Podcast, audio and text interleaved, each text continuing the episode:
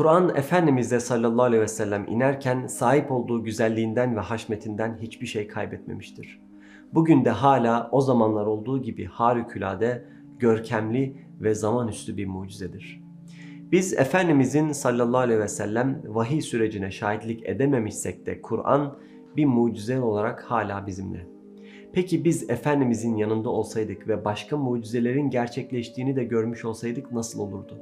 Gözlerimizin önünde gerçekleşmelerinin o mucizelere yahut hayatımıza nasıl bir etkisi olurdu?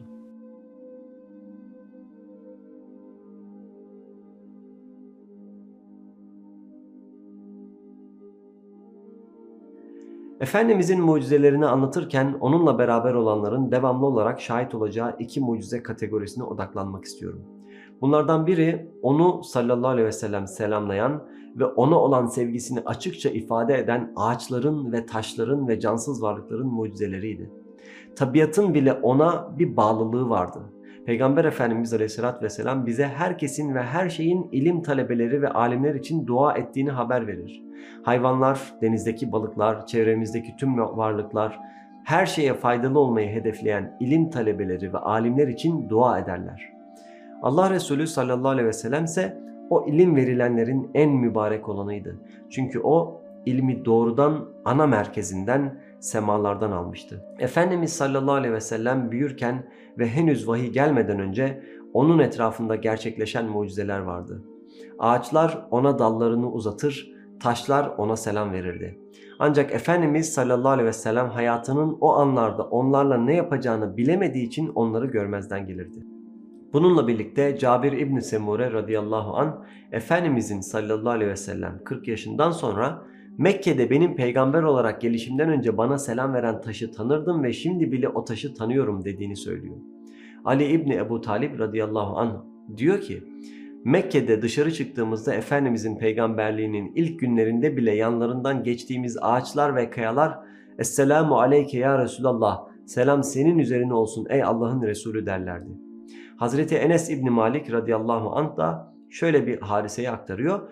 Bir keresinde Efendimiz sallallahu aleyhi ve sellem ile beraberdik ve elinde bir avuç küçük taş vardı. Sonra taşlar elindeyken tesbih etmeye başladılar. Efendimizin elinde Cenab-ı Allah'ı övmeye ve Allah'a hamd etmeye başladılar. İşte bu hadiselerde de anlatıldığı gibi tabiatın Efendimiz'e dualar yağdırdığını görmek çok doğaldı. Bir de çok sayıda sahabenin şahitlik ettiği meşhur bir hadise var. Manzarayı hayal etmenizi istiyorum. Efendimiz sallallahu aleyhi ve sellem cuma günleri bir ağaç kütüğünün yanında durur ve hutbe vereceği zaman o ağaç kütüğüne yaslanırdı. Bunun üzerine ensar kadınlarından biri Efendimiz'e ya Resulallah sana bir minber yapalım mı, sana bir kürsü yapalım mı diye sordu. Efendimiz aleyhissalatü vesselam da isterseniz yapın dedi. Biz de Peygamber Efendimiz için bir minber yaptık. Efendimiz sallallahu aleyhi ve sellem oradan cuma hutbesini vermek için minbere gittiğinde o kütük bir çocuk gibi ağlamaya başladı diyorlar. Bazı sahabeler o ağacın ağlamasını doğurmak üzere olan hamile bir dişi devenin enin etmesi, ağlaması gibi, inlemesi gibi tarif etmişler. Orada bulunduğunuzu ve ağlayan bir ağaçla karşı karşıya olduğunuzu hayal edebiliyor musunuz? Peki Efendimiz ne yapıyor? Minberden iniyor, ağaç kütüğüne gidip tıpkı ağlaması durana kadar ya da ağlamasının durmasını umarak bir çocuğu teselli ediyormuş gibi ağacı teselli etmeye başlıyor. Efendimiz Aleyhisselatü Vesselam ağacı teselli ediyordu ve bütün sahabeler Efendimiz'e bakıp şaşkınlık içinde neler oluyor diye düşünüyorlardı. Sonra Efendimiz sallallahu aleyhi ve sellem onlara ağaç kütüğü Allah'ı zikretmekle ilgili duyduklarından mahrum kaldığı için ağlıyor dedi. Efendimiz minbere taşındığı için ağaç Efendimizin artık üzerine yaslanıp konuşamayacak olmasına üzülmüştü. O zamanlarda yaşasaydık bu özel mucizeye de muhtemelen şahit olurduk. Çünkü o gün insanların toplandığı cuma günüydü. Başka bir mucize kategorisi daha var. O da onun mübarek ellerinin meydana getirdiği lütuflar.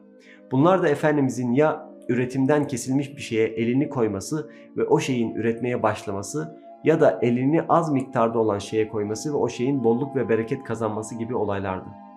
Mesela Hazreti Ümmü Mabed'in hikayesinde olduğu gibi Efendimizin süt vermeyen bir hayvanın memesine elini koyması ve sonra o hayvandan süt akmaya başlaması gibi hadiseler var.